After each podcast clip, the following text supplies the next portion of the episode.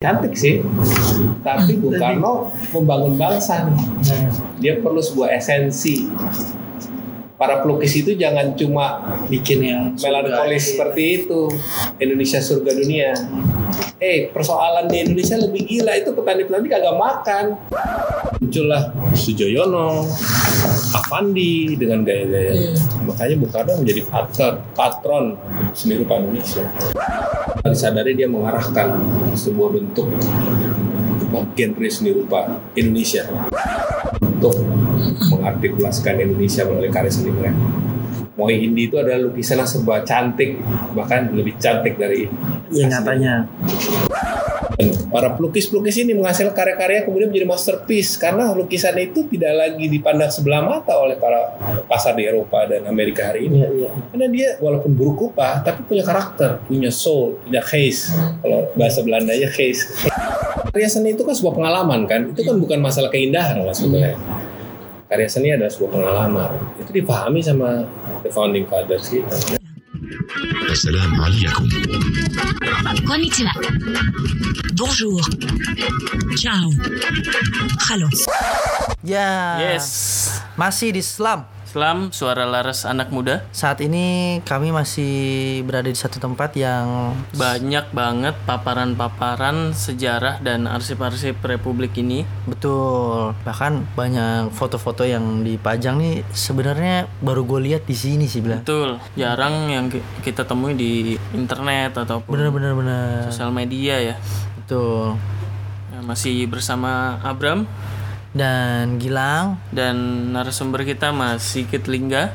yang bakal mau share banyak soal sejarah Indonesia. Tapi masih ada lanjutannya sama yang kemarin nih mas. Kemarin kan kita diajak dan diceritakan bagaimana eh, generasi 45 itu berpikir kritis melalui buku betul. Terus dan jadi buku itu membentuk karakter gitu. benar Akses buku itu yang membedakan eh, mereka dengan pemuda-pemuda lainnya. betul Ternyata dari buku juga tuh pemuda itu bisa mampu berpikir lebih kritis. Iya, Terus dari buku juga membentuk individu yang terstruktur, bahkan sih juga mampu memprovok orang-orang. iya. Nah, ini Mas, kira-kira ada nggak sih selain buku yang mampu memprovok orang-orang atau sekiranya membuat orang-orang tuh jadi berpikir bahkan sampai berbuat sesuatu gitu. Ada lagi yang memprovok musik, tapi musik tentang sejarah nggak ada. Lirik-lirik lebih Mendayu, Cinta. mendayu, mendayu. cinta, ku ingin mati di hadapanmu, kuberikan sekuntum bunga. Maksud diganti ya. Eh, Cinta mati akan merah putih gitu. Siapkah engkau cinta aku tanpa uang? Siapkah engkau turun ke jalan bersama aku cintaku? Tapi lagi teng, teng. Oh jadi tetap loyo, loyo juga kurang menghentak ya. Ya kita mesti kayak Queen lah, Queen tuh lihat tuh apa namanya narasi-narasi yang dia bawa itu. Under Pressure, terus apa namanya Bohemian Rhapsody. Can't stop. Ya ada ada sesuatu gitu dalam. Gairah Kosong, yang dorong gairah, gitu, entah kosong. ada persoalan, ada kayak gitu sih. Jadi jadi jadi sekarang banyak yang punya maksudnya kalau dibilang pendidikan pemuda-pemuda sekarang tuh minimal Iya, S1 tuh Iya, tapi pendidikan. kosong. Tapi mungkin bukunya kurang dibaca. Iya. Jadi hasil eh, sana apa? Udah baca yang harusnya step kedua adalah menulis mas. Duh, ini PR jadi banyak nih. Maksudnya Iya. baca juga belum nulis apalagi gitu. Iya. Ini nyuruh kita nulis. Karena dari proses tadi itu mengalami itu harus ada proses apa namanya itu mas? Kayak semacam apa? eh, jadi kita mengkaji di dalam ini menjadi sebuah tulisan. Itu kan proses lagi. Pematangan psikologi kita di situ. Manusia yang beradab katanya. Iya. Nggak ada pilihan lain sih. Percepatan pakai apa? Film mungkin. Tapi ya filmnya harus sumber bobot. Jadi kalau menurut Mas Sigit, film, musik, Itu ya, atau pagelaran itu harusnya bisa, Bisa jadi mancing. Iya ya mancing mereka Iya. untuk balik baca buku gitu. Nggak Ya, paling nggak, sih iya. tapi ya jadi baca buku. Paling tidak toh juga namanya narasi skrip atau apa pun itu kan hasil dari sebuah tulisan. Iya. Ya kan? Iya. Dari hasil sebuah bacaan. Kan ada sebuah proses itu. Tapi ketika memang itu dangkal cerita narasinya skripnya dangkal ya dia nggak baca dan kebanyakan yang begitu kalau kan ini kan Tuh, gimana ya? Jadi zaman sekarang tuh kadang buku tuh dijadiin apa ya? ya memang Iya. mahal juga sih saya juga tahu susah beli buku mahal kita jual buku juga mahal Iya, memang. itu buku dua volume 600 ribu Iya. ini satu buku 300 ribu Yes, yes. Mestinya murah tapi pemerintah Bukan. eh, kertasnya impor. Itu kan yang bikin mahal. Kertas impor masuk sini mahal karena kenapa? Dapat pajak 300% atas barang mewah. Barang mewah, betul. ya kertas tuh semuanya impor. Kita kita nggak punya pabrik kertas yang mumpuni. Ini persoalan-persoalan gitu. Orang nggak mau baca buku bukan salahnya orang nggak mau baca buku. Bukunya mahal-mahal susah susah nggak. Ya mesti di setiap orang bisa mengakses buku lah mesti. Iya. Oh makanya Mas Gitri sempat singgung bahwa kalau bentuknya elektronik, jadi kita nggak perlu bayarin kertas 300 persen. Iya. Itu yang saya taktik yang terpikir saya karena sekarang jadi saya juga penikmat buku-buku elektronik books ya. Sama tambah lagi satu sekarang audio books. Audio books. Jadi dalam waktu yang sempit baca buku nggak mungkin sambil jalan saya dengerin. Yes. Tapi sayangnya audiobooks yang bagus itu keluar Ya ya ya. Tolstoy, ada audio. Oh, ada. Wah sembari Podcast ada, YouTube ada. Mantap. Tapi bahasa Inggris ya. Hmm. Bahasa Indonesia ada Injil. Al-Quran juga ada. Begitu ya. Ini kayak udah wajib dulu gitu kali ya. Iya. Sebelum yang lain ada. Semua yang lain ada. Jangan dahuluin gitu. Mm-mm. Cuman pas lagi bikin setelah record buku itu langsung kayak udah capek. Capek karena Oh capek cuy ternyata ini berat gitu. Berat, Jadi berat. mungkin agak loyo kali. Kalau nih Hmm. eh, muda tuh biasanya yang kita tahu nih. Hmm. eh, dia tuh gampang tertarik atau melihat sebuah eh, untuk ngulik sejarah tuh biasanya tuh butuh sosok gitu. Kayak idol. Begitu dia ngeliat ini contoh lah gitu. Ya bukan orang Indonesia lah. Kalau nggak cinta eh, Bung Karno gitu. Ya cinta Bung Karno tuh sama ya kayak oh, orang Indonesia bisa main badminton suka bola gitu. Jadi pasti itu kan kayak orang Indonesia pasti itu kan. Nah kalau menurut Mas Kit gimana? Kalau misalnya orang dikasih sosok idol gitu terus itu dijadi kayak siapa sih ini sih sebenarnya? Sudah jadi ngulik gitu. Iya, itu salah satu teori kan, teori komunikasi kan. hmm. Bung Karno juga melakukan itu. Dia menciptakan pahlawan-pahlawan ya ya itu kan dijadikan sebagai ikon-ikon supaya kita melihat ada sosok yang bisa kita tiru, kita bisa pahami dalam rangka untuk membangun Indonesia di Ponegoro, Sisingamangaraja, atau semuanya. Itu kan memang tokoh-tokoh yang diangkat oleh ya Bung Karno dan kawan jadi itu contoh. Jadi bukan bukan apa tapi siapa yang ngomong gitu ya. kalau jadi cara praktisnya kita mesti ngeliat siapa yang ngomong gitu. Misalnya Psikologi komunikasi. psikologi komunikasi kan gitu. Iya, pakai toanya siapa nih? Ini misalnya Bung Karno yang ngomong gitu. Bisa, terus yang lain jadi bisa. em, apa, merasain merindingnya gitu. Jadi baru ngulik tentang Bung Karno siapa gitu. Ya. nah kalau misalnya ini yang paling representatif ya nggak tahu ya menurut Mas Sigit kalau kita kan oh kalau mau tahu dulu mau tahu Indonesia Udah lu kulik aja dulu Bung Karno siapa Ya emang perlu sih. Nah, eh, kalau memang itu sebenarnya ada referensi nggak? Ada. Kita harus baca yang mana dulu? Kalau Bung Karno itu dia pernah menulis, menulis bukan menulis, dia pernah menuturkan sebuah cerita kehidupannya kepada seorang wartawan yang namanya Cindy Adams. Cindy Adams. Nah itu menjadi sebuah buku namanya eh, An Autobiography by Cindy Adams. Autobiografinya bukan Hmm. sejarah biografi yang ditulis oleh orang lain. Iya. Itu penyambung lidah rakyat Indonesia. Bung Karno penyambung lidah rakyat Indonesia. Itu itu buku ada. Hmm. Itu minimal tuh ya. Minimal yang paling lengkap bercerita tentang Bung Karno ya di buku itu. Semua aspek dalam kehidupannya dia. Yang kalau misalnya kira-kira pembaca gitu terus selami itu terus Oh iya pasti dapat semuanya. nah dapat Siapa Soekarno? berarti bocoran tuh kalau mau tahu siapa Soekarno baca buku Cindy Adams Iya. nyambung lidah rakyat Buku itu kita yang menerbitkan. Sekarang ada di toko-toko buku.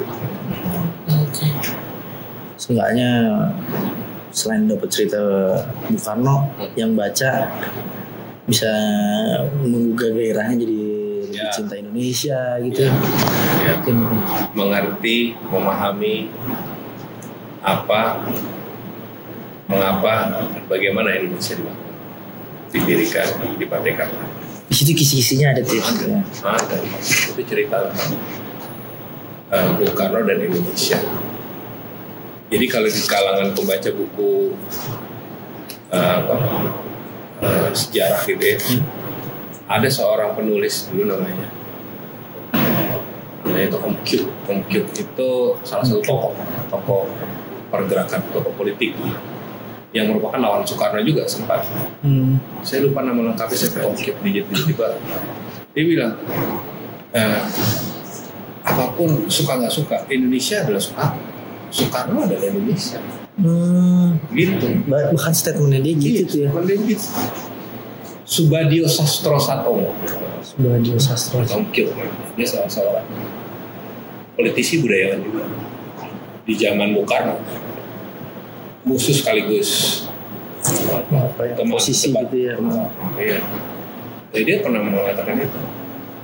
Jadi untuk mengerti Indonesia betapa pentingnya membaca Soekarno. Tidak untuk mengkultuskan, tetapi Bung Karno sebagai seorang engineer yang merancang bangsa ini. Suka nggak suka dia paling lengkap menuliskan dari semua gagasannya. Nah, ini menjadi penting nih mas. Kita itu produk manusia-manusia, manusia-manusia Indonesia ini, ya. Iya. produk manusia yang tidak membaca, tetapi mendengar. Ah, Jadi buat eh, sebuah peradaban yang paling penting dari eh, majunya peradaban itu atau tidaknya itu dilihat dari catatan sejarah iya karena terukur di sini. Ketika tuturan itu enggak nggak bisa. terukur Iya, tapi gitu senang banget mendengar. mendengar Karena itu kita punya karakter. Mukhtar Lubis juga sering ngomong bilang gitu kita lebih suka mendengar. Dan pernah lihat kan tuh ada games yang sang berantai. iya iya iya Ya, satu, kedua, dua, ketiga, tiga, Iya, empat, sepuluh. beda. ya itu sudah bukti nyata sebenarnya tuh kalau Jadi literasi tutur tuh nggak bisa terukur gitu Verba volant script tamanen, pernah dengar nggak? Yang terucap pupus, yang tercatat abadi. oh Ini abadi. abadi Selama banget dia nih. nggak terbakar, dan tidak terulat Ya. gitu terkutuk pemikiran pada waktu itu ter- tergambar di sana. Mengalami masa puluhan tahun yang lalu lewat buku. yes yes Itu sih. Kita sangat rendah untuk soal pengarsipan, penulisan sejarah. Kurang. Suku-suku bangsa kita juga yang meninggalkan lontar atau apa hanya terbatas sekali. Jawa yang terkenal. Iya, iya. Sumatera nggak banyak. Sumatera yang yang kuno ada kayak Melayu ya, suku bangsa Melayu ya mas ya. Dari apa selat-selat Melayu ya itu masih masih ter ini dengan baik. Tapi Tulisan. generasi setelah itu, setelah siapa sih itu eh, yang terkenal tuh di Melayu yang banyak penulis. Ali Haji. Ah Sultan Ali Haji. Sultan Ali Haji. Dari Haji Fisabilillah Iya, gitu tuh. Tapi kemudian kurun waktu setelah itu hilang, hilang, nggak ada lagi. Nggak ada. kita Mungkin pernah karena ya, masyarakat itu berubah. Eh, dalam satu perjalanan kita itu pandangan saya sih. mungkin ada masa di mana Link. karya itu Missing link. eh di repress gitu mungkin Enggak, mungkin gak represi, tapi karena satu dan lain hal ada kejadian alam yang menewaskan sekelompok besar orang sehingga putus jatuh. Ini kayak apa namanya eh, soal di Candi Borobudur, iya. Masyarakat tinggal di Candi Borobudur kan nggak mengetahui ceritanya. iya iya. Masyarakat baru yang tinggal di situ. Iya iya iya. masyarakat pada waktu itu udah nggak ada udah sirna kena gempa bumi dan sebagainya. Itu juga salah satu yang jadi pemikiran kita kenapa tidak ada orang Indonesia asli? Hmm. yang bisa. Seenggaknya kalau misalnya bisa bertutur gitu ya cuman kalau nih ambles orang yang belas nggak ada ya nggak ada ceritanya jadi gitu ya ya kita harus mengakali itu lah generasi yang melek sejarah konsep sama sejarah ya mulai menulis lah. Tapi siapa pun sih sebetulnya sekarang harus. Tapi bukannya gini ya mas kalau semua orang bebas menulis gitu kayak kalau kita kan mungkin melihatnya yang masif tuh vlog gitu. YouTube. Gitu. semua jadi vlog semua jadi hmm, upload. Gitu. tapi ya isinya ada. isinya nggak ada gitu. Ya kalau nggak semua lah, habis gimana ya? Kita juga bayangkan aja ya. Mereka mau nge-vlog itu kalau buat saya dari pengarsipan mereka sudah melakukan satu hal melakukan satu hal yang di mana karya hasil mereka itu terdokumentasi ya nah persoalan isi konten itu butuh satu sesi lagi bu. Kemauan dari orang. Ya kalau aku sih ngeliatnya dari orang-orang yang vlog lama-lama dia kan membutuhkan beri cerita. Betul. Otomatis dia pasti ngulik. Ngulik sih ngulik. Iya sih. Action yang dia lakukan itu pasti uh, mengarah pada saat dia berproses dia mengarah ke ya apa namanya dia membuat sebuah Skenario yang atau- lebih ya. lebih ini udah good start lah. Sesuatu yang baik untuk dimulai. Saya sih kalau untuk sekarang ini nggak pernah ini ya. Antipati sama satu tahun begini kenapa begini? Karena Saya emang nggak ngeliat ternyata Mas Sigit apa dulu ternyata Mas Sigit tidak men- menikmati itu. Saya menikmati saya kan nge-vlog. Oh. Anak-anak saya tuh nge-vlog. Dia bukan siapa-siapa anak saya. Dia nge-vlog di Instagram dia dia apa namanya dia bikin ya. Nah, udah masuk YouTube sekarang. Terus ya itu kesenangannya dia. Saya ngeliat itu. Ya, berarti kan banyak. Kayak keponakan-keponakan saya kan gitu hmm, ada sesuatu mereka tampil mereka apa? Meng- mengekspresikan diri Iya. mereka. Ya untuk isi ya mudah-mudahan sih bisa dapat pengayaan paling tidak sudah mulai sesuatu yang baru. Buat saya vlog atau apa itu ya bentuk baru dari apa, penulisan. Ya, ya. untuk baru dari penulisan. Iya. meskipun diucapkan. Bisa ya tapi kan terekam oh iya beda kalau misalnya nggak ada yang rekam nggak ada yang rekam kayak Itu yang manual rekam. manual gitu ya Itu yang. Hmm. penyataan bisa salah meskipun itu belum bisa dijadikan sebagai pengganti buku baru kan Masih aku boleh nanya nggak? boleh Kan Bung Karno di buku ini kolektor dan patron seni rupa Indonesia. ya Terus eh, pada zaman itu mungkin eh, koleksi-koleksinya Bung Karno selain jadi kolektor bagi perkembangan Seni apa, rupa. seni rupa itu seperti apa? Karena Sangat disebutkan eh, bahwa patron di sini dia menyebut kayak semacam influencer yang kayak semacam orang yang populer terus ketika dia beli itu dia akan bisa menumbuhkan kehidupan di skena eh, di seni skena rupa. seni rupa. ya. Eh, dan tanpa disadari dia mengarahkan sebuah bentuk apa, genre seni rupa Indonesia Hmm, nah ini cerita itu ada karena pada waktu Bung Karno hidup para perupa gitu Iya. pelukis kita itu masih di apa namanya di influence dengan gaya-gaya Moe Hindi. Oh, nama. Moe Hindi itu adalah gaya-gaya eh, apa melukis yang di banyak di di apa namanya dilakukan oleh para penjajah orang-orang Barat yang ada di sini Belanda untuk mengartikulasikan Indonesia melalui karya seni mereka. Moe Hindi itu adalah lukisan yang serba cantik bahkan lebih cantik dari Iya nyatanya.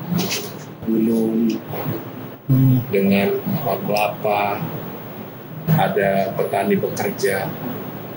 Nah, cantik sih, tapi Bung Karno membangun bangsa. Dia perlu sebuah esensi. Para pelukis itu jangan cuma bikin yang melankolis seperti itu.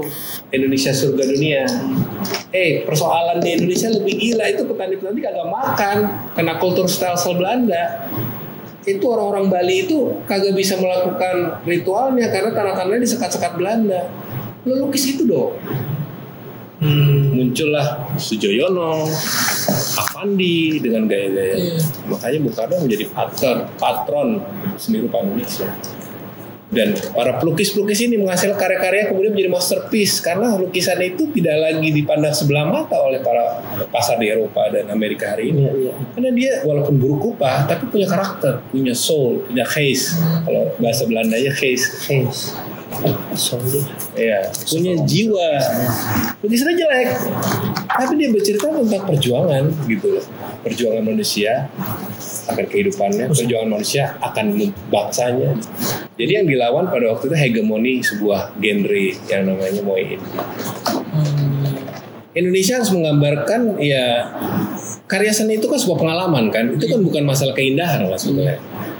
Karya seni adalah sebuah pengalaman. Itu dipahami sama the founding fathers kita. kan. Semuanya membentuk Indonesia, keindonesiaan kita. ya. Kalau dari keindahan mungkin Oh, orang Eropa mungkin karena bukan di situ dia tes apa ini tapi kemudian mereka bisa mengerti bahwa ceritain di balik ini adalah sebuah uh, konstelasi masyarakat sebuah Iya, kehidupan masyarakat yang tertindas atau apa hmm. sejatinya karya seni kan seperti itu Iya. pengalaman Tapi lucu juga ya kalau kita ngeliat fenomenanya di muda anak sekarang tuh pengen seperti barat bukan bukan skena komik Hah? itu udah nggak mengedepankan eh, orang harus tirus harus rapi gitu. Jadi Iya. sederhana aja tapi punya cerita gitu. Yang penting kan ceritanya. iya penting ceritanya. Hmm. mungkin itu bisa dibilang genre iya. Indonesia. Bisa bisa. Dengan kesadaran penuh mereka membuat observasi melakukan apa sebuah uh, kolaborasi dengan banyak hal untuk menghasilkan sebuah bentuk baru. Iya, iya. Itu Indonesia punya Indonesia Disebut banyak yang belum mencapai dia super patronis juga. super Iya. patronis Jadi, Jadi memang kalau- mengarahkan bahwa apa pelukis-pelukis atau seniman tuh harus menangkap keindonesiaan gitu ya. Iya dia mengarahkan cara nggak tidak memaksa ya. Bukan orang nggak pernah meng. Jadi eh, jadi saya tuh sering ngomong nasionalisme itu yang dimaksud dengan nasionalisme itu kan orang banyak punya oh harus dibaca Hmm. harus hafal undang-undang dasar 45 Iya. hafal Pancasila buat saya sih agak agak ini eh, terlalu bias kalau ya anak-anak apalagi SMP SMA kan mengerti suruh pacaran kepanasan nasionalisme itu sebetulnya adalah kalau buat saya Iya. itu rasa yang ada akan pengenalan saya terhadap tanah tempat saya hidup. Nasionalisme adalah rasa saya terhadap bangsa ini. Kesayangan saya, kecintaan saya, kepedulian saya itu nasionalisme. tempat hidup di sini Iya. Dan apa yang harus saya perbuat yang terbaik untuk itu sih. Jadi tanpa itu ya kita nggak bisa menyebut diri kita sebagai sebuah bangsa. Gitu sih. yes serem banget ya Sebetulnya sih ini enggak ini ya. Ini satu satu babakan hidup yang mungkin di kalian nggak ada. Saya ada Kita- kebetulan karena ngebaca. Tapi sudah tuh bersama berdampingan dia. Apa ya? Tipis gitu loh, kayak celana dalam. Tadi udah nasionalisme. Ini mau dibungkus dikit baru mulai lagi. Kayak celana dalam. Tipis. Twist banget nih. Twistnya tipis, setipis celana dalam.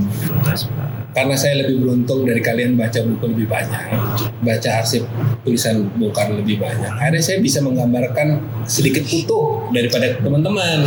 Cuma itu sih yang membuat Bung Karno, Bung Hatta, Syahril lebih hebat daripada orang Indonesia pada umumnya pada waktu itu karena dia punya kesempatan untuk mengakses buku-buku baik. Iya betul. Dapat Jadi, buku baik iya di eranya itu. Iya. Wah, itu mah susah banget itu namanya buku. Iya.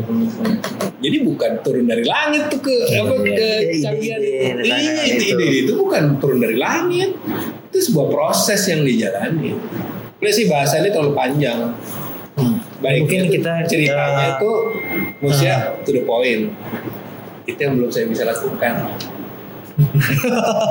Kas kata-kata. Jadi Oke, saya ngomong sama anak-anak, kalau bikin karya, karya lo banget, jangan kalau karya musik ya melihat apa misalnya terlalu banyak melihat gaya-gayanya. Eh, jangan referensinya gitu. itu, Iya, jangan dia- ya, referensinya lo tarik sebar berbagai macam. Jangan musik rock ngambilnya dari Iron Maiden atau apa yang sekarang atau kayak gitu jangan. Indonesia juga punya warna. Ya gamelan apa tuh bisa meng- memberikan sumbangsi juga kan? Iya. dalam titi laras musik Indonesia. Indonesia. Kalau menurut Mas Sigit, Hmm? Musik kita iya Mas kita. hampir men- mencapai sebuah titik tapi kemudian hilang lagi. Hmm. Gak tahu kenapa. Yang paling hampir mencapai itu 70-an, kayak 70-an, 80-an tuh menghasilkan banyak karya-karya yang Indonesia. Indonesia. Setelah itu balik Setelah lagi, itu balik balik lagi. Balik lagi. Sekarang sudah mulai lagi. Nih sekarang nih kan Sekarang sebenarnya ada fenomena nih. Ih, Eh, berapa orang teman-teman. Hmm, Ya? Berapa orang udah ke Jepang? Payung teduh lah, si inilah, si itu yang rock mana aja. Oke oke bisa bersaing di buat di luar negeri. film yang belum film gitu pengen bikin kayak Hollywood sih pasti jangan pikir gitu bikinnya tuh film sastra film budaya yang ceritanya tuh ibaratnya kita perang yang lawan yang lain yang lain tuh nggak bisa perang di area itu gitu kali. Iya dan penuturan dengan bahasa yang dilakukan itu ada bahasa-bahasa yang kuat. Karakter. Pemilihan kosakata pemilihan uh, konten konteks dari Sebuah- cerita. iya iya itu kita kurang ngulik di situ. Buat film itu iya. Ya aduh teman-teman slam maaf nih. Maaf mas. Ah, guys harus kita tahan lagi harap-harap sabar Sabar, sabar. untuk bisa meresapi apa yang udah kita tadi tanya jawab. Jadi Betul. uh, kita sedikit highlight aja bahwa ternyata peran seni itu penting banget. Betul. Kalau meneruskan tadi paparan Mas Sigit Lingga dan apa kata Bung Karno bahwa Ah. seni itu tidak perlu terus-menerus soal ber- bicaranya tentang keindahan. Atau estetika ya. Betul. Seni itu yang penting menggambarkan keadaan sekarang dan bagaimana bisa membangun sebuah bangsa gitu. Oh, oke. Sangat relevan ya maksudnya untuk bisa ditarik ke kondisi sekarang. bahwa- Betul, betul, betul, betul. Bahwa ternyata mungkin kebanyakan salah satu karya seni nih iya. kalau untuk mengkritisi ini kan kayak banyaknya lagu melankolis tuh juga bikin jadi orang-orang mungkin jadi banyak yang galau gitu Galau. kan. Mungkin kan sekarang belakangan ada beberapa narasi lagu yang membawa uh, nuansa semangat, nuansa betul. nasionalisme gitu. Iya, menggambarkan nuansa Nusantara gitu. Iya, walaupun belum banyak tapi uh, sudah cukup kita harus beri apresiasi pada Iya, mereka. iya, iya. Terus juga bahwa peran peran pemimpin tuh juga punya kekuatan juga. Kalau dulu eh, Bung Karno tuh juga bisa dibilang super patron Super patron. karena mampu mengarahkan tren karya seni. Betul. Jadi yang tadinya karya seni yang yang tadi lu bilang Blat, yang banyak est- yang penting estetika, terus dia pengen bahwa karya seni itu harusnya seperti yang tadi dijelaskan. Jadi akhirnya eh, yang muncul ke permukaan adalah karya seni karya seni yang diapresiasi oleh eh, Bung Karno pada saat itu. Jadi lebih pada saat itu seniman-seniman jadi punya karakter Ah ya betul betul. karena memang yang diangkat adalah narasi keindonesiaan, narasi kenusantaraan yang dilihat berdasarkan pengalaman oleh seniman-seniman itu. Nah, Ya. kalau ditarik sekarang kan mirip banget dengan kondisi Pemimpin pemimpin sekarang. sekarang mirip tuh mirip mirip, banget, mirip banget. Kan dia juga suka pakai jaket jeans, Jeans, yang betul. di custom sama orang lokal. Iya, jadi Terus- mengangkat skena-skena lokal, produk-produk lokal Mm-mm. yang jadi simbol ajakan bahwa Yuk nih seluruh rakyat Indonesia harusnya bangga dong sama produk-produk lokal. itu betul yang menyundul produk lokal lain juga jadi semangat untuk Berkarya lagi. kualitas berkarya gitu untuk meningkatkan kualitas untuk jadi wah ternyata yang menghargai produk kita bukan kanan kiri atau orang lingkup kita aja nih ternyata pemimpin negara sendiri pun juga mengapresiasi akan hal itu Betul. gitu. Jadi ternyata relevan ya Blad antara yang dulu sama yang sekarang relevan Hmm, mudah-mudahan ini menjadi tren yang baik untuk bisa menyongsong Indonesia yang berkembang lebih baik. Amin. Amin. Ya, eh, sampai di sini dulu episode, Episode. Islam. Nanti episode berikutnya juga masih bareng sama Mas Sigit Lingga juga bicarakan topik yang lain masih bernarasi tentang sejarah bangsa Indonesia. Saya Abram saya Gilang dan Mas Sigit Lingga pamit dulu. Assalamualaikum. Ah.